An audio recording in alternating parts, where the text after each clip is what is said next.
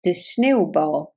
Er was eens, toen de hele grond wit was van de sneeuw en aan alle daken ijspegels hingen, een kleine jongen die de wereld inging om sneeuwballen te maken. Zijn moeder pakte hem van top tot teen zo lekker warm in dat je nauwelijks nog iets van hem kon zien, behalve het puntje van zijn neus. Zelfs de sneeuwvogels die in zijn eigen voortuin woonden en hem dagelijks zagen, herkenden hem niet. Ze vlogen weg van het hek en hielden hun kop eerst schuin naar de ene kant en toen schuin naar de andere kant, alsof ze dachten: wie kan dit toch zijn? Maar gaandeweg kwamen ze erachter. Tjoep, tjoep, zeiden ze tegen elkaar. Het is alleen maar de kleine jongen die voor ons kruimels uit het raam gooit. En ze vlogen de tuin weer in om te zien hoe hij sneeuwballen maakte.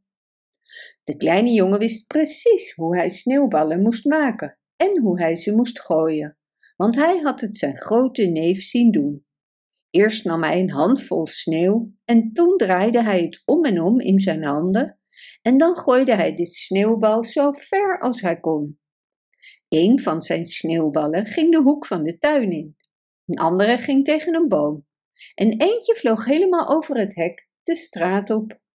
Het was erg leuk om in de sneeuw te spelen en de kleine jongen was een beetje verdrietig toen zijn vader hem riep dat het tijd was om binnen te komen. Zodra ik er nog eentje gemaakt heb, kom ik, antwoordde hij. Hij nam een grote handvol sneeuw en maakte zo'n grote sneeuwbal dat hij vond dat hij die echt mee naar huis moest nemen om aan zijn moeder te laten zien. Nu was de moeder van de kleine jongen naar de markt gegaan, terwijl hij in de sneeuw aan het spelen was.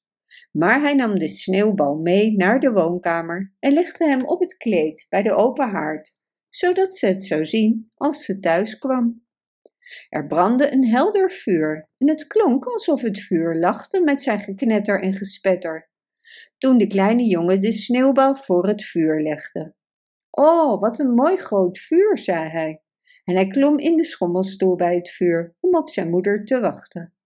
Kraak, kraak, zei de schommelstoel. Knetter, knetter, lachte het vuur. En de kleine jongen voelde zich zo comfortabel en het was zo lekker warm dat hij in een diepe slaap viel.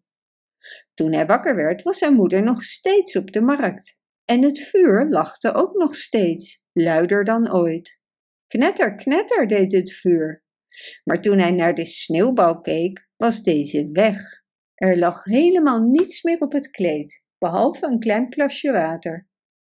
De kleine jongen keek onder de stoel en onder de tafel en onder de ladekast, achter de deur en in alle hoeken, boven, beneden, hoog en laag, maar hij kon de sneeuwbal nergens vinden. En wat denk je dat er van geworden was? De moeder van de kleine jongen raadde het, zodra ze thuis kwam en het plasje water zag. En als je het de moeder vraagt, dan zal ze jou opnieuw dit verhaal vertellen. Bedankt voor het luisteren.